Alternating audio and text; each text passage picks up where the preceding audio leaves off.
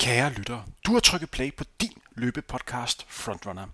Det du skal høre nu er første del af en live podcast udsendelse, som blev optaget lørdag den 23. september på messen i forbindelse med H.C. Andersen Marathon. Denne udsendelse er bragt i samarbejde med KSO. Anden del, som du kan glæde dig til at høre, bliver udgivet den 5. oktober. Bemærk, der kan være nogle steder, hvor lydniveauet er en lille smule forskelligt. Sådan er det, når vi optager live. Men du kan sagtens høre, hvad det bliver sagt alligevel. Rigtig god fornøjelse. Tak fordi du hører Frontrunner.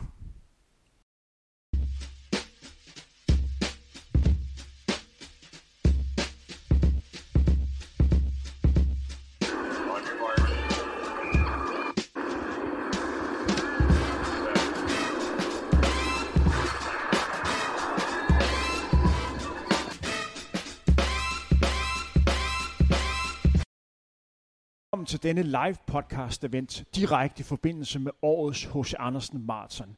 Dette event er bragt i samarbejde med Kejsersport Ortopædi. Mit navn er Henrik Thiem, og jeg virkelig ser frem til denne dag i dag.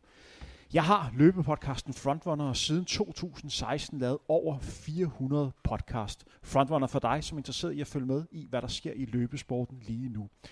For os er det ikke nok at vide, hvem der vandt, men det handler mere om at fortælle historien om, hvorfor vedkommende vandt. Vi behandler løbesport med den respekt, som du fortjener. Som navnet antyder, er vi dog ikke bange for at prøve noget nyt. For det, du skal høre i dag, er nemlig en lille premiere. Jeg har samlet et yderst kompetent monopol, og sammen med dem skal vi gennemgå nogle problemstillinger, som du som løber helt sikkert kender til dagen før et vigtigt løb. Udsendelsen bliver streamet direkte live via KSO Facebook-side. Du kan se den live her for messen i forbindelse med Hos Andersen Marathon, eller du kan høre den som podcast efterfølgende, der hvor du normalt hører podcast-udsendelser. I det her tilfælde skal du bare søge under navnet Frontrunner. Men skal ikke præsentere mine gæster i dag, for jeg har nemlig samlet et skarpt panel for højre til mig må hellere starte med Christina Snor. Velkommen til, Christina. Kan du tage mikrofonen op og sige hej? Hej, tak skal du have, Henrik. Så øh, Christina er 48 år. Nu må du hellere lige ret til, hvis der er nogle ting, jeg øh, siger, der, der er forkerte. Du har Ph.D. i folkesundhedsvidenskab, og så er du lektor i øh, Københavns Universitet. Og så er du en af de mest vindende danske atleter med hele 36 danske individuelle mesterskaber. Du har deltaget ved Europamesterskaber og verdensmesterskaber, og har hele 17 deltagelser på landshold, hvis man regner det hele ind. Du har løbet 15 maratonløb og ultraløb. Øh, du har virksomheden, som du kalder løbeeksperten, hvor der har konceptet, der hedder 1K a day, der fortæller lidt om, at hvis du vil søge med løb, så handler det om at skulle løbe 1 km om dagen. Det har vi tidligere lavet en udsendelse om, så det skal vi ikke snakke så meget om i dag. Og så har du en PR på den halve distance på 1.34, som er løbet i forbindelse med H.C. Andersen Marathon før vi to satte os til bord, så snakkede vi lidt om, at det med, at man har sat en personlig kort et sted som det her, det, det vækkede nogle minder. Kan du se lidt tilbage på den dag, hvor du satte din personlige halvmarathonrekord her i, i Odense? Hvad er det, 10 år siden? Jeg vil gerne det 11 år siden lige præcis i dag, hvilket jeg ligesom mærkede, da jeg kom tilbage til den her arena, og det her, hvor kroppen kan huske meget bedre end hjernen nogle gange.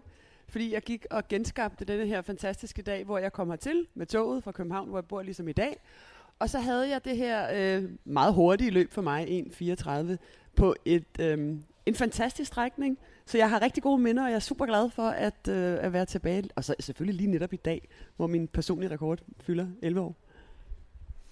Skal vi præ- præsentere det næste, så går vi for øh, venstre for mig. Vi starter med Rasmus øh, Fabæk. Udtaler de korrekt? Efternavn korrekt? Ja, helt korrekt. Og du er 29 år, og så er du øh, til daglig butikschef i en af KSO's butikker her i Odense. Du har løbet så hurtigt som 1 time og 11 minutter på halvmarathon og 2.37 på maraton. Er det korrekt? Det er ligesom jeg husker det. Og så skal, er du en af de ledende skikkelser for Odense Running Crew. Og så skal du løbe halvmarathon i morgen, men du har lige været igennem en barsk operation øh, i, øh, i knæet. Og så hvad er dine forventninger til løbet i morgen? Ja, det er rigtigt. Jeg blev opereret med knæ i april sidste år, så øh, i, det er sådan en, forhåbentlig sådan en PR i, i, i comeback. Øhm, så sådan forventninger omkring 1.14. Så når jeg skal speak løbet i morgen, og jeg ser dig i mål, øh, når, når klokken nærmer sig 11.15, så vil du være en glad mand? Ja, det vil jeg sige. Og øh, du kender jo øh, ruten her i Odense. Hvad er det for en rute, de skal ud på? Det er en meget sådan alsidig rute. Det er både lidt øh, by, og det er lidt havn, og det er lidt industri, og det er, man skal selvfølgelig især glæde sig til at løbe ind igennem øh, Vestergade, hvor øh, et vis running crew står og hæpper lidt. Men derudover så er det også fantastisk at løbe ude i, i boligkvarteret, hvor en masse familier trækker ud, og nogle gange også har lidt vand med. Det er, det er virkelig fedt at opleve, den der opbakning. Og skal vi præsentere den næste? Det har vi Sissel Møller. Velkommen til, Sissel. Tak for det. En præsentation af dig, 28 år, og så på Instagram kan man finde dig som Sist Sis, og du har 37.000 følgere. Hvorfor navnet Sist Sis? det sad jeg lidt og spekulerede i går, da jeg lavede research. Ja, det er rimelig ofte, jeg får det spørgsmål. Men det er faktisk en lidt længere historie, helt tilbage fra, da jeg var øhm, ridepige, hvor øhm, jeg havde øh, en pony, der hed Tosja, og vi var Team Tos. Og øhm, så øh, blev vi lige pludselig til Team Tis, fordi det synes min veninde, der var rigtig sjovt. Jeg ved ikke lige helt hvorfor.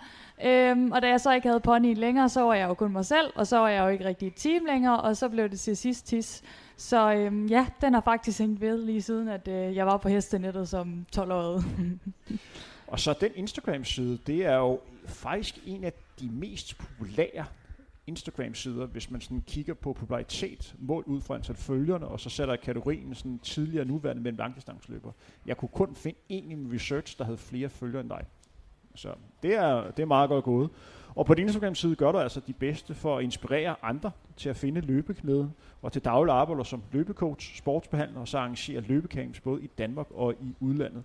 Personlige korter på 35-32 på 10 km og 17-11 på 5 km og så har du deltaget ved Nordisk Mesterskab og EM i crossløb.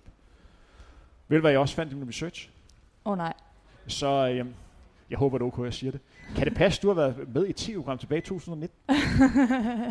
ja, og jeg bliver stadigvæk genkendt for det i dag. som hedder Landmand søger kærlighed? Ja, det er helt fuldstændig korrekt. Hvordan jeg var, var det? lige en tur i Portugal. Det var da vældig godt. Eller? Nu er jeg jo nysgerrig. Hvordan sidder man og tænker, det program der skal jeg være med i? Jamen altså, jeg elsker jo Spanien, og det har jeg altid gjort. Øhm, og jeg elsker varmen og livet og så videre dernede. Så hvis jeg kunne finde øh, kærligheden i udlandet, så var jeg åben over for det. Så da jeg så, at der var en olivengård i Portugal, så tænkte jeg, ah, det skal jeg da lige have af. Så det var mere den gård end selve manden, der trak det? Mm, måske. jeg Nej, det var vældig sjovt, og han var da vældig sød. måske ikke lige det perfekte match for mig. Men uh, lad os gå videre til den sidste i uh, monopolet. Vi har Frederik Kromand med. Frederik, 26 år, kendt som Fat Craig Eagles på Instagram. Vi skal også lige have en forklaring på det navn. Jamen, øh, det kommer øh, under corona, der Ja, måske skal jeg lige sige, hvem Craig Engels er til at starte med. Det er jo en kendt, stor øh, amerikansk mellemdistanceløber, som er kendt for sin, øh, sin mullet og sit overskæg. Han øh, rocker for vildt. Og så hans øh, sindssygt fede humør og væremåde. Øh, ikke for fint til at drikke en øl en gang imellem, og egentlig bare en cool laid back fyr. Og så, øh, som jeg starte med at sige, under corona, så eksperimenterede jeg lidt med forskellige hårpragter. Og det endte ud i en mollet, overskægget havde i forvejen. Og så tænkte vi bare, jeg skal være fat Craig Engels. Der var lidt en trend på Instagram med, at man skulle hedde fat det ene, fat det andet. Og jeg er lidt en stor fyr, så jeg tænkte, det er fat Craig Engels. Og det er jo sådan, at du har mødt løberen, som hedder Craig Eagles. Er det ikke korrekt? Ikke mødt ham, men jeg har siddet i et uh, Zoom-opkald med ham. Så, så jeg kunne nemlig, nemlig også godt tænke mig at have en mand, der kalder sig Fat Henrik Thiem på Instagram. Det må være næste mål for mig. Held og lykke. og så er du til daglig del af Odense Running Crew. Og så har du øh, løbet stort set alle distancer, også 3000 forandring. Så har du deltaget i verdensmesterskabet i Beer i din, i, i din vægtklasse. Og det bliver simpelthen også til at spørge lidt ind til, fordi normalt i, i løb har vi jo ikke vægtklasser. Men hvor, hvorfor var der lige pludselig en vægtklasse i, i Beer Ja, altså Birmar er jo lidt specielt øh, i forvejen at man blander meget hurtigt løb med, med indtagelse af store mængder alkohol. Øhm, så derfor der har man også valgt at lave den her tunge vægtklasse, der hedder Clydesdale Division, som er for personer over. For mænd er det 200 pund, det er 90 kilo. Øhm, så ja, en masse store gutter, der løber hurtigt og drikker en masse bajer. Og så har du været med i blandt andet en reklamefilm for Saysky og Faxe Kondi. Og til daglig lagermedarbejder, der kører gaffeltrunk. Det er korrekt. Men udgangspunktet i dag, det er, at vi kører to gange 40, mi- 40 minutter. Det vil sige, efter omkring 40 minutter har vi 10 minutters pause, hvor der er mulighed for lige at få lidt øh, drikke. Vi går meget striks på efter, øh, efter 10 minutter, så dem af jer, der sidder og hører med, det er nok ikke så aktuelt for dem, der hører det som podcast efterfølgende. I har altså 10 minutter, hvor I lige kan pleje jer selv. Men det vi skal øh, gøre i dag, det er, at vi skal nemlig snakke om nogle af de problemstillinger, rigtig mange løber med, står med her dagen før man skal løbe i løb. I morgen er der altså hos Andersen Marathon, og der er mulighed for at løbe distancerne 4,2 øh, børnemarathon, 10 km halvmarathon og så selve maratonløbet. Jeg har været en del af denne løbesport siden 1999. Nu kommer jeg til at lyde som en rigtig, rigtig gammel tosse. Først som eliteløber og siden som, som coach for øh, private og virksomheder. Nogle af de spørgsmål, vi skal diskutere i dag, er nogle af de spørgsmål, som jeg har fået aller, aller mest. Så det vil altså sige nogle af de typiske spørgsmål, som, som nogle af jer har nu her øh, dagen før.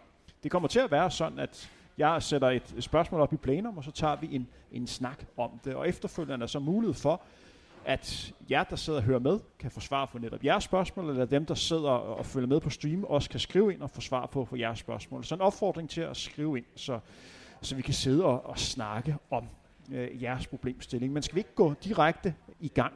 I dag er altså som sagt lørdag den 23. september. I morgen, søndag den 24. september, afviklet årets hos Andersen Marathon.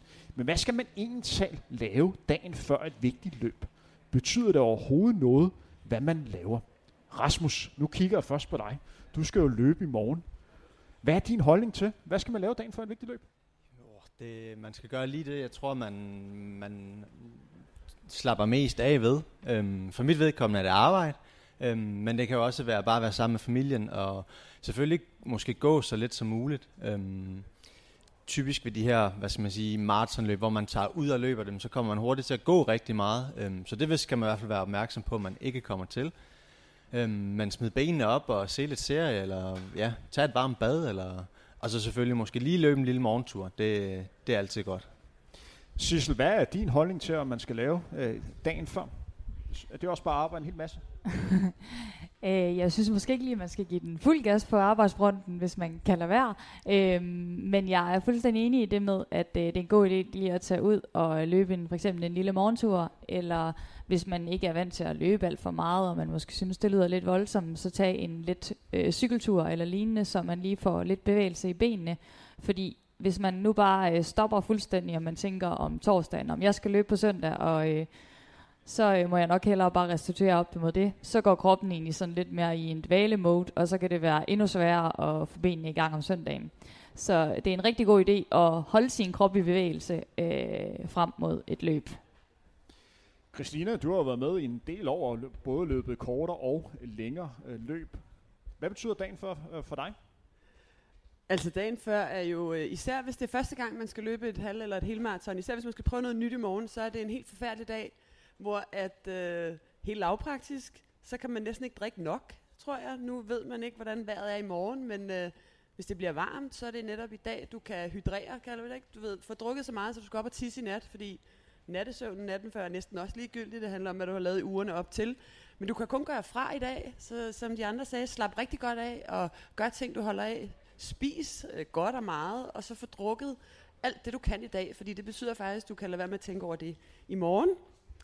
Men så vil jeg sige, at øh, nu siger jeg Rasmus at være sammen med familien. Nu er jeg mor til tre, og jeg vil bare sige, at det allerbedste for mig, det var, hvis jeg var et andet sted henne, hvor jeg var væk fra mine børn, fordi jeg blev simpelthen så pirlig og så irriteret på mine unger og alle mulige andre i øvrigt. Fordi man går rundt og er så følsom, ikke? Altså man er et helt nyt sted, og øh, alle mulige ting bliver man sådan lidt hisig af. Du sidder og nikker heldigvis også, og det er sådan lidt, de skal være lidt stille, hvis man har børn, de skal i øvrigt og så videre. Fordi at psykologisk er man jo, står man ud for en kæmpe udfordring, og især hvis det er første gang. Og så vil jeg så sige, selvom man har løbet mange gange, så er maraton lidt ukendt land, også fra gang til gang. Så i dag er faktisk en ret hård dag at komme igennem. Så vær god ved dig selv. Frederik, hvordan er det dagen før øh, for dig? Det er en dag som alle andre dage. Jeg synes ikke, der skal ske noget nyt. Altså, man har forhåbentlig forberedt sig, så hvis man op på inden sin andre træningstur har lavet det ene eller andet, så skal man bare gøre det igen. Øh, 8 ud af 10 gange, så har jeg måske været i byen uh, inden et race, for det ligger altså om søndagen, og lørdag, det tager man altså i byen.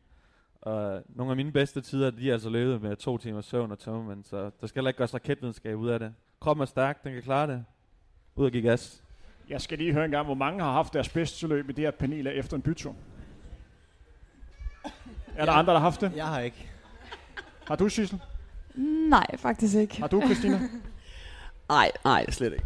Jeg vil så også tilføje, at jeg heller ikke prøvet det, så jeg skal ikke kunne sige, om det virker. Jeg kan faktisk komme med en indrømmelse. Det er, at jeg har faktisk prøvet at blive dansmester dagen efter en bytur. Men øh, det er ikke noget, jeg sådan vil, vil anbefale. Vi er, t- vi er tilbage, hvad er vi tilbage? Sådan 15 år. På det tidspunkt, der løb jeg på baneløb, øh, men startede om lørdagen med at løbe 1500 meter, og jeg havde sådan en forventning om, at jeg skulle vinde guld. Det gjorde jeg ikke. Øh, jeg kom ikke engang på podiet. Jeg blev nummer 4. Jeg var pisse sur på mig selv, og tænkte, det der løb, det, det gider jeg slet ikke. Som aften, der gik jeg ud og drak, og tænkte, jeg gider ikke løbe 5 i morgen. Det er spild af tid. Min form er helvedes til. Og så drak jeg mig bare ned. Og så øh, i løbet af natten, hvor jeg kom hjem klokken 4, så glemte jeg alt om, at der var løb klokken, klokken 1. Men så vågnede jeg op sådan 3-4 timer senere, og tænkte, jeg har det da egentlig meget godt. Jeg tænkte, jeg kan da godt løbe en 5 alligevel. Så jeg tog ud på stadion, og så tænkte jeg, jeg løber der med på den her 5.000 meter. Så øh, det gik faktisk rigtig godt. Jeg endte med at vinde løbet. Jeg vandt min første danske mesterskab på det tidspunkt. Det hele, jeg tror, jeg havde sådan en øh, fornemmelse af, at jeg ikke rigtig kunne mærke min krop, hvilket man diskuterer, hvor hensigtsmæssigt det, det var. Men øh, jeg vandt da løbet. Øh, til gengæld, den regning, jeg fik et par timer senere, den var ikke særlig rar, så jeg vil kraftigt anbefale, at man ikke laver den copy, hvis man har ambition om at komme først. Men, øh, men ja, tilståelse. Jeg har prøvet det. Jeg har heller ikke så gjort det siden. Er der andre ting, vi sådan lige skal, skal vinde i forhold til dagen før et vigtigt løb? Er der nogle andre guldkorn, vi lige skal have fokus på? Altså jeg vil lige sige, for nu snakkede øh, Christina også lige omkring det her med mad og sådan noget, øhm, og det er mega, mega vigtigt, at man får fyldt op øh, for sine øh, kulhydratdepoter, så man har nogle kulhydrater at arbejde på, men i forhold til, at man måske sidder inde på nettet og så finder, åh, hvad er det bare det bedste at spise før og så videre, så lad være med at ændre for meget i din kost, øh, fordi at det kan bare give maveproblemer og så videre. Så hvis man vil prøve noget nyt mad af, så er det altid bedre at gøre det til noget træning eller lignende, i stedet for at øh, ja, lige prøve noget helt nyt af øh, dagen inden et løb.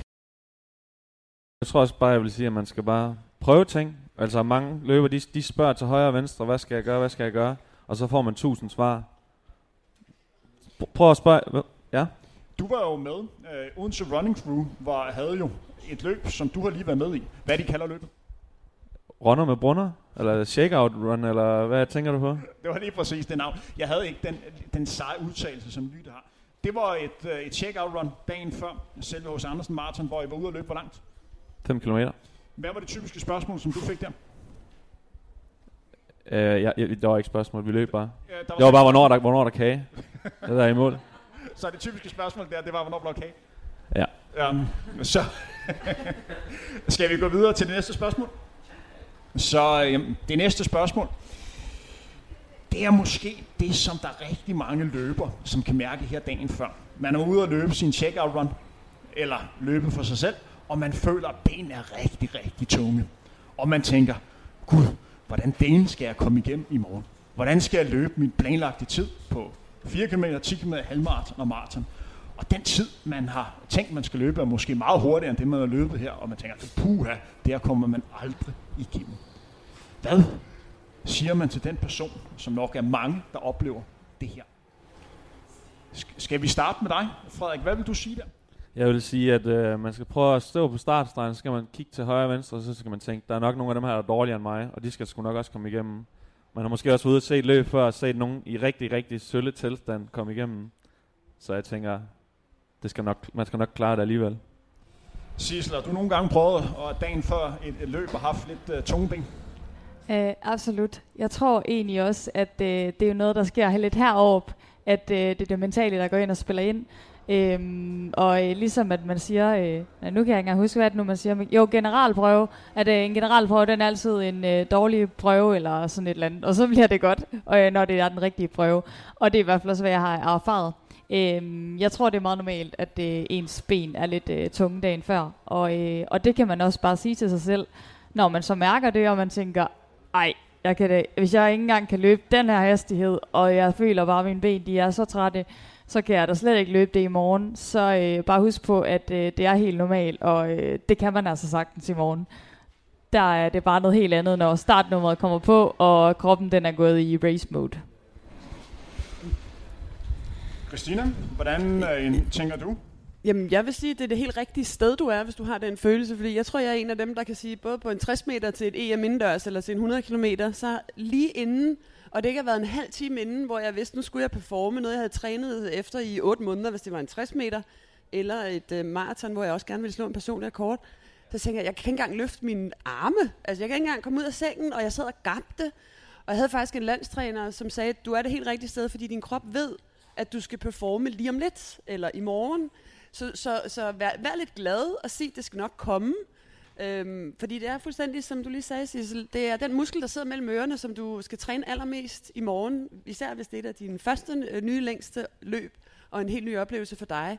Så, øh, og det er det her mega spændende bekendtskab, du kan få med din krop og med dig selv, ved at du har sat dig den her udfordring. Så jeg vil være helt rolig igen det er en død irriterende dag at komme igennem i dag, men det er netop en af grundene til, at man udsætter sig selv for de her udfordringer. Så tillykke med det, og have tillid til, at når du så står på startstregen, så er du fuld af endorfiner og glæde og klar til opgaven. Rasmus, har du nogensinde oplevet, at du har det tunge ben dagen før det løb? Ja, det vil sige, det har jeg. Jeg tror egentlig, mit svar vil være, at øh, jeg tror, man skal, og det ligger så lidt i, i, hvad skal man sige, i forhold til dit første spørgsmål, at man måske aftenen, inden man går i seng, lige kigger på sin træningsplan, sin Strava eller sin Garmin Connect, eller hvad end man nu bruger, og lige siger, okay, hvad har jeg egentlig lavet de sidste øh, fire måneder eller seks måneder, øhm, og så sige, okay, jeg har virkelig løbet mange gode ture, og så tage det med, når man går i seng, fordi så tror jeg, at man, man så er det godt, at man har tunge ben i løbet af i dag, eller man har haft det i går, men når man så vågner i morgen, så er man bare klar, og man, man har det her i baghovedet, at man virkelig har trænet efter det, og man har prioriteret det, øhm, og måske sat øh, bytur til side, eller man måske har, har, har skåret noget fra. Øhm, ja, så, så kig på sin træningsplan, og så skal man nok få friske ben. Skal vi gå videre til næste spørgsmål? Så det næste, vi lige skal snakke om, det er, vi har kort været inde på det, men det er noget, vi skal lidt mere fokus på, nemlig mad og drikke før en konkurrence.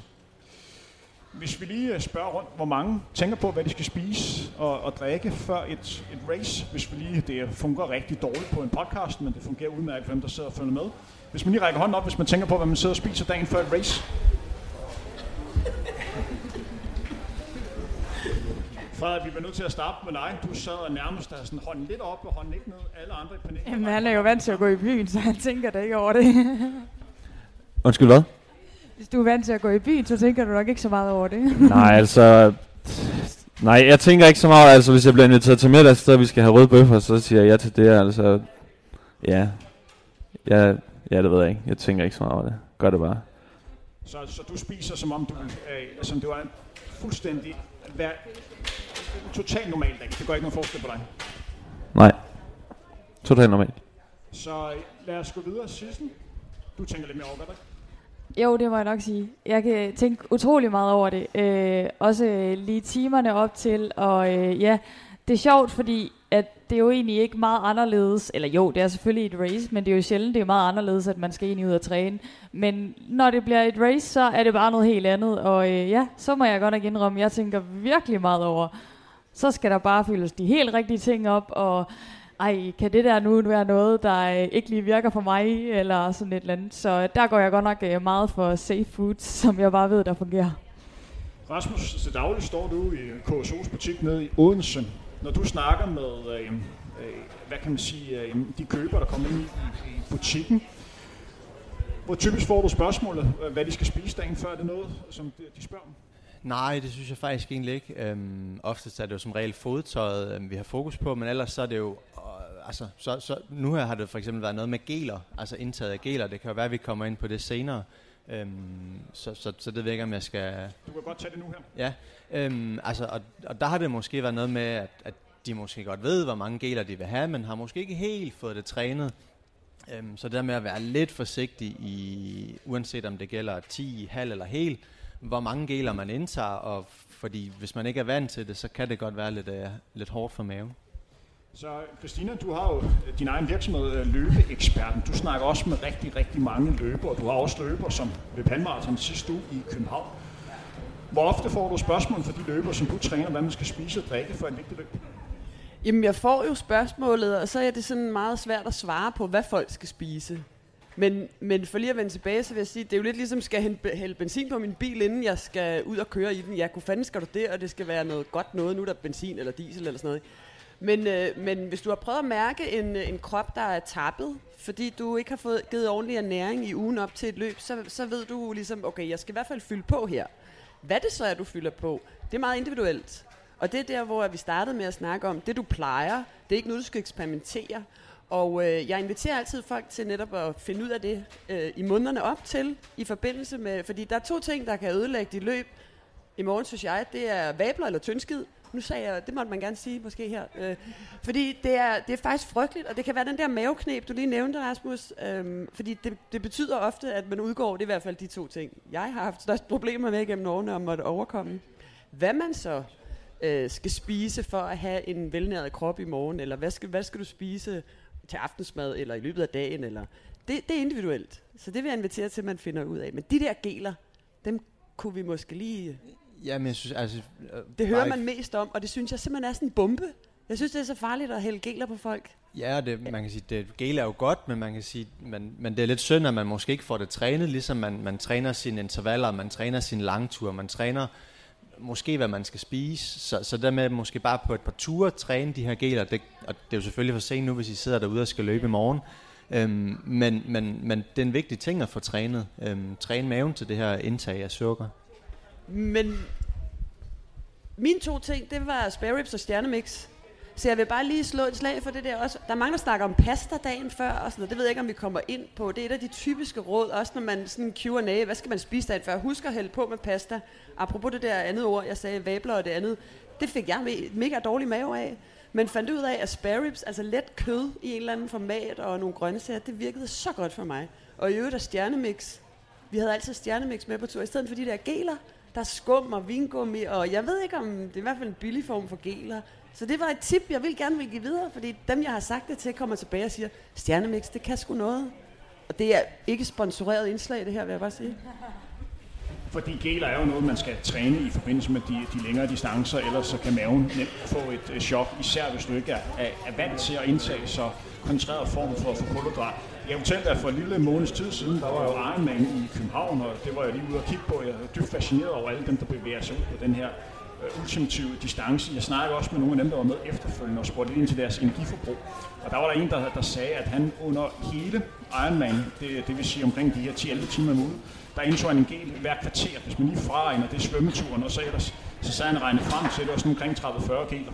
Og jeg sad sådan og tænkte, jeg lige før synes, det er mere imponerende at tage 30-40 geler, end det er at gennemføre en Jeg synes godt, han var voldsomt.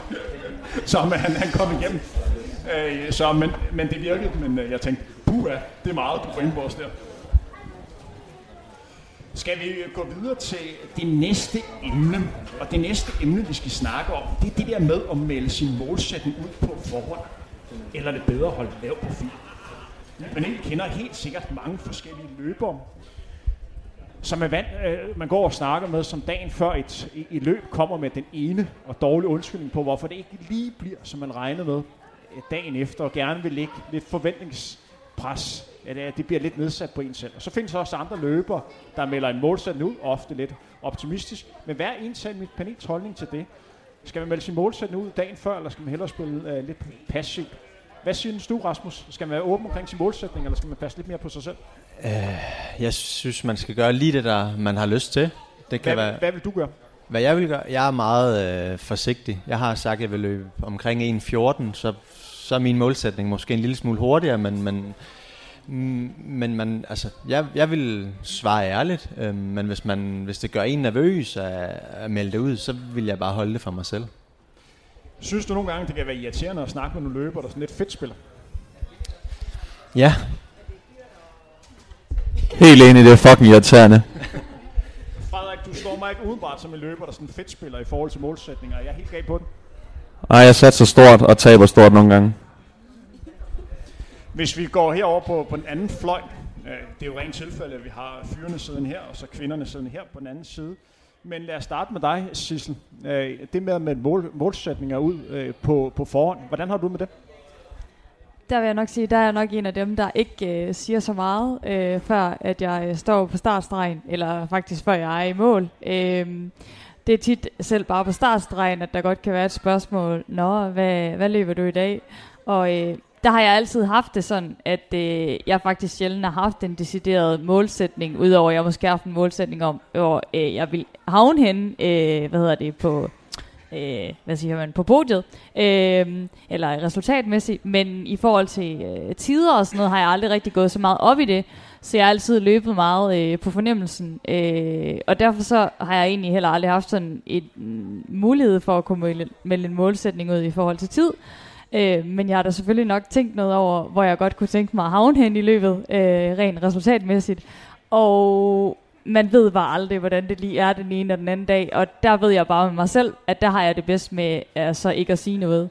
Øhm, og, så, øh, og så se, hvor det kommer hen. Øhm, men jeg tror, ja, det er en meget individuel ting. Øhm, jeg er enig i, at øh, jeg synes ikke, at man skal gå og lave alle mulige... Øh, åndssvage øh, undskyldninger for, at øh, ah, men nu har jeg jo også lige gjort det, og nu er der jo også lige det, og ej, øh, i går der skete der også lige det, eller sådan noget. Øh, det synes jeg ikke, der er nogen grund til. Øh, men, men hvis ikke man har lyst til at melde et eller andet ud, før at man rent faktisk øh, er noget i mål, så, øh, så synes jeg ikke, at der er nogen grund til at gøre det. Men Sissel, du har jo 37.000 øh, følgere på, på Instagram. Hvis du skulle ud og løbe, løbe et løb, Føler du så ikke et lidt øh, pres på, hvis du simpelthen lægger en målsætningstid ud til de følger? Jo, det vil, jeg, det vil jeg få et sindssygt pres på, og det vil jeg heller ikke gøre. Det vil jeg simpelthen ikke byde mig selv, fordi at, øh, så vil jeg øh, føle, at det skulle jeg leve op til. Og, øh, og sådan er jeg bare ikke som person, at der er noget, øh, at man skal på den måde øh, leve op til. Så det vil bare, øh, ja, det vil jeg, det vil jeg ikke engang øh, øh, byde mig selv. Men derfor vil jeg ikke, øh, jeg vil ikke, ikke sige, at jeg skulle til et løb, eller ikke sige, hvordan og hvorledes jeg havde det. Nu er min profil meget en ærlig profil, og, øh, og der vil jeg også fortælle omkring, hvordan min nervøsitet vil være, og hvordan mine tanker vil være om det, og hvad jeg måske godt kunne tænke mig, eller hvordan og hvorledes. Øhm, men, men jeg vil aldrig lægge en, lægge en målsætning ud. Christina, hvor står du her? Hvordan har du med at melde målsætning ud på forhånd? Målsætning er så vigtig en del af det at være løber, fordi alle relaterer til et eller andet tal, som bliver målt i minutter og sekunder. Øh, og øh, både som personlig træner, en til en i min forløb, eller som bredere, så, så er det en rigtig, rigtig vigtig del, fordi vi får ligesom sat noget fast. Og, øh, og det, det vil jeg egentlig invitere til, at man, man altid gør, fordi det, der er så utaknemmeligt ved løb, det er, at det aldrig bliver nok. For, altså forstået på den måde, der er altid nogen, der har løbet hurtigere, eller længere, eller bedre end, øh, end dig.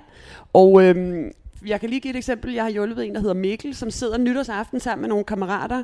Mikkel er en mand på min alder, cirka i 40'erne, og så, så tænker han, jeg kunne godt tænke mig at løbe maraton i København, det er i maj måned her i 23, og hvis jeg kan løbe under fire timer, så synes jeg, det er mega sejt. Så han sidder med nogle venner og committer sig til det her. Det kan man nok relatere til nytårsaften, ikke? Så sker der det, Mikkel løber øh, Copenhagen Marathon, han løber 3.42, og så skulle man tro, at Mikkel var glad. Men fordi han var sådan, det gik så let, så blev han sådan lidt, jamen så burde jeg have løbet 3.30 måske. Fordi der var det og det og det, der ikke gik så godt. Så, så nu øh, vil han gerne løbe igen i foråret 24 med det mål at løbe 3.30. Så nu er det pludselig ikke godt nok.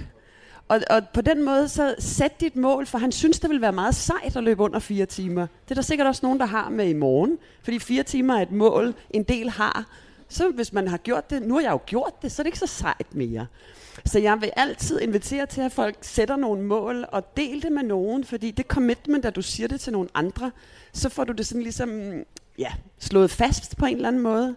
Så jeg elsker at uh, trække de der målsætninger ud af dem, jeg træner, eller dem, jeg taler med, eller også siger til dem, kan du ikke huske, du sagde faktisk, du ville synes, det var mega sejt, hvis du løb under to timer på halvmars. Gud, det gjorde jeg egentlig også, men nu har jeg jo gjort det, så nu vil jeg gerne løbe hurtigere. Og det er uanset om det er 12 sekunder på en 100 meter, som også var en ting for mig, eller under 3.30 på maraton, som jeg lige, lige fik sned mig under, så rykker det sig. Så, så læg mærke til, ligesom du sagde, Rasmus, kig i din app, se hvor meget du egentlig har trænet, og hvor sej du har været. Jeg vil selv synes, jeg var sej førhen. Og det, og det er det, der er med løb, fordi der hele tiden, vi kan hele tiden lægge ovenpå. Det blev et virkelig langt svar på et øh, simpelt spørgsmål, men, men jeg synes, det er røvhammerende vigtigt at sætte de der mål, så man kan følge sin egen progression. Ja, altså der vil jeg jo så nok sige, det afhænger jo nok lidt af personen. Øhm, fordi at det, jeg tror også godt, at igen, vi lever også meget i en kultur, hvor at man hurtigt kan blive presset øh, med alle mulige forskellige ting. Og nogle gange så er det måske ikke nødvendigt, at man skal have løbet øh, x antal minutter på x antal kilometer, men rent faktisk bare det at finde løbeglæden. Og det kan jo også være en målsætning for et løb, at man egentlig gerne bare vil ud og have en god oplevelse og, øh, og komme i mål. Øhm, så jeg er enig i, at det er fint nok at have en målsætning, men jeg vil sige, jeg synes ikke, at man skal, man skal jagte rekorder, eller man skal jagte kilometer eller lignende. Øhm, det er ikke alle, øh, der, øh, der, der har det formål med løb, og det er ikke noget med, at man skal det, for at man er en løber. Altså så snart man har løbeskoene på, og man løber en tur, og øh, jamen, så er man jo en løber, og det er ligegyldigt hvilken hastighed og hvilke kilometer øh, man løber. Frederik, du er jo til daglig del af den her Odense Running Crew. Når du snakker med dine løbskollegaer, det med at snakke målsætninger, hvordan har I det med det? Altså, jeg synes, det er rart, at man ligesom sætter nogle mål og melder ud til de andre gutter og sådan noget, for jeg synes godt, det kan motivere mig, sådan at hvis jeg ikke rammer et mål, så er det bare pinligt, og så bliver jeg til grin for de andre.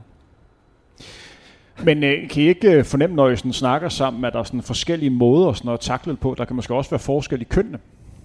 Forskel i hvad? Forskellen blandt kønnene, hvordan kvinder og mænd takler det.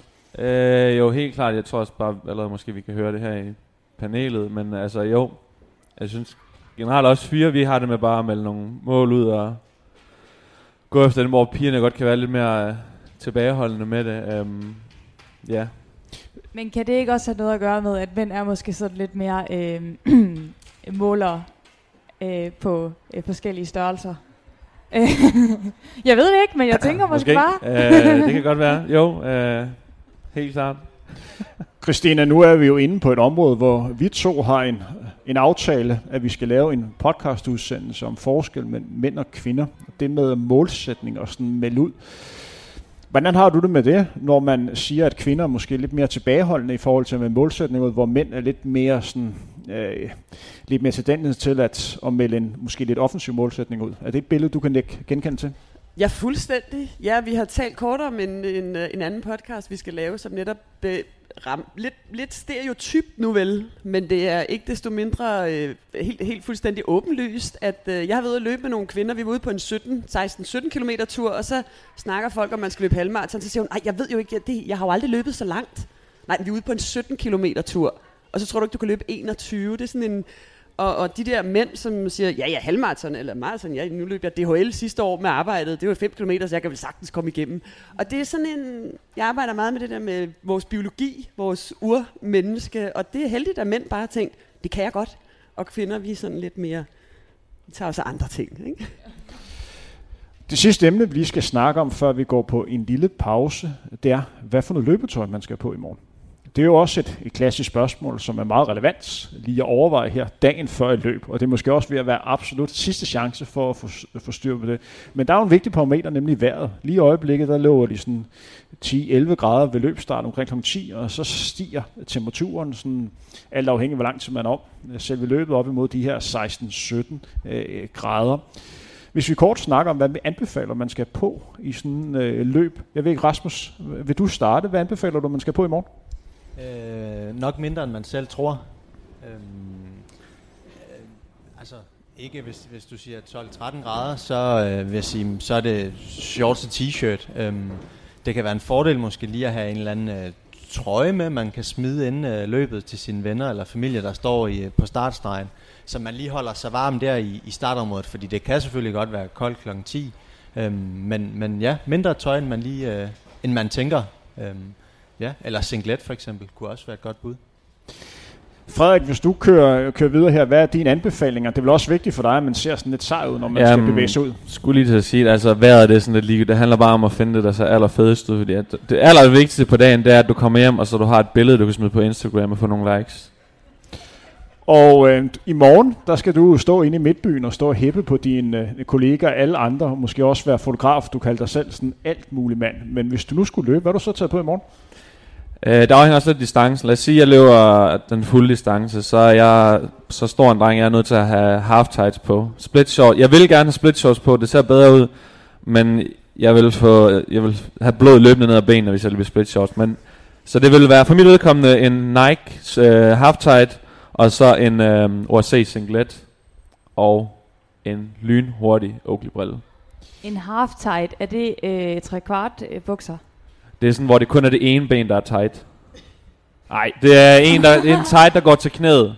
Over knæet. Okay, okay, fint nok. Ja. Sissel, du bød ind. Hvad, øh, hvad er din anbefaling? øh, Sådan en løspåvirkning, øh, påklædning i forhold til løb som i morgen? Hvad anbefaler du? Øh, ja, i morgen der vil jeg nok også gå for et par øh, lette split shorts og øh, en øh, singlet til. Øhm, og hvis at solen, jeg ved ikke, vil, det, vil solen skinne i morgen? Det, ved Det tror jeg, den gør.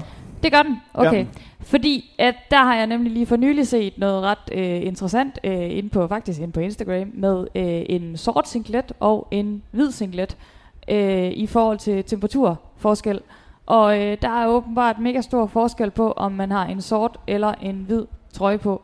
Øh, det bliver meget, meget varmere, hvis man har sort trøje på, og solen den skinner, end det gør, hvis den er hvid eller en farverig en. Øh, ja, så det var måske en idé også lige at overveje, hvilken farve man løber med. Lige noget at tilføje til det her sort øh, kontra hvid, det er, at altså, man ser også tykker ud i hvid, så jeg vil altid vælge en sort. Christina, hvad er din anbefaling i forhold til påklædning? Jamen jo ikke noget nyt i hvert fald, fordi der er jo nogen især, øh, jeg ved ikke hvorfor så mænd får sådan skravmærker, eller hvad det hedder, skravsår øh, af et eller andet, øh, fordi man laver de der gentagende bevægelser. Men jeg var sådan en, så fik jeg sådan kramper i lårene, eller i overarmene og skuldrene, så jeg ville aldrig løbe i singlet, fordi så blev det lidt koldt i starten og sådan noget, så... Men det der tip med at have en ekstra trøje med, du kan tage en gammel trøje med, du så smider i en skraldespand, eller til mange af de store løb, så har de jo sådan nogle containere stående, som så giver de det til Røde Kors. Øhm, det tror jeg ikke er her.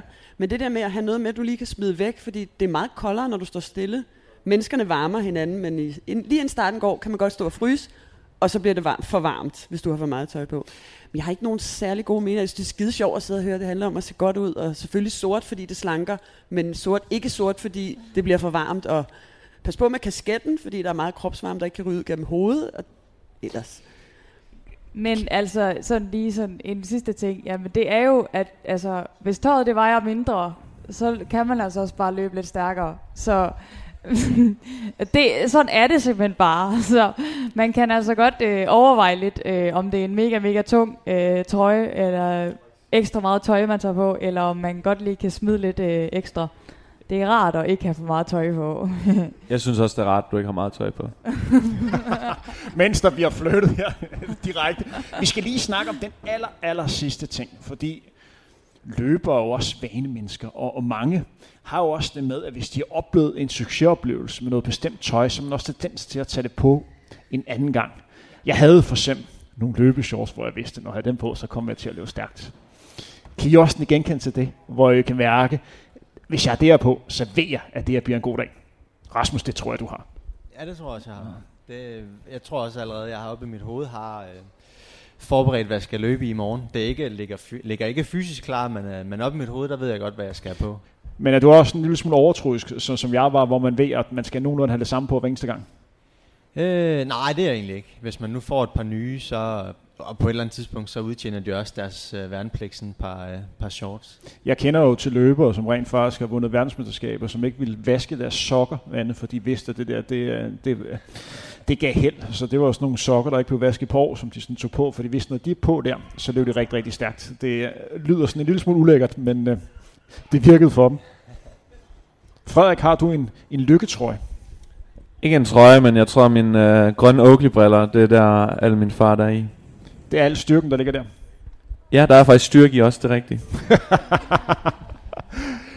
Sissel og Christina, har I en lykketrøje eller nogle lykkebukser?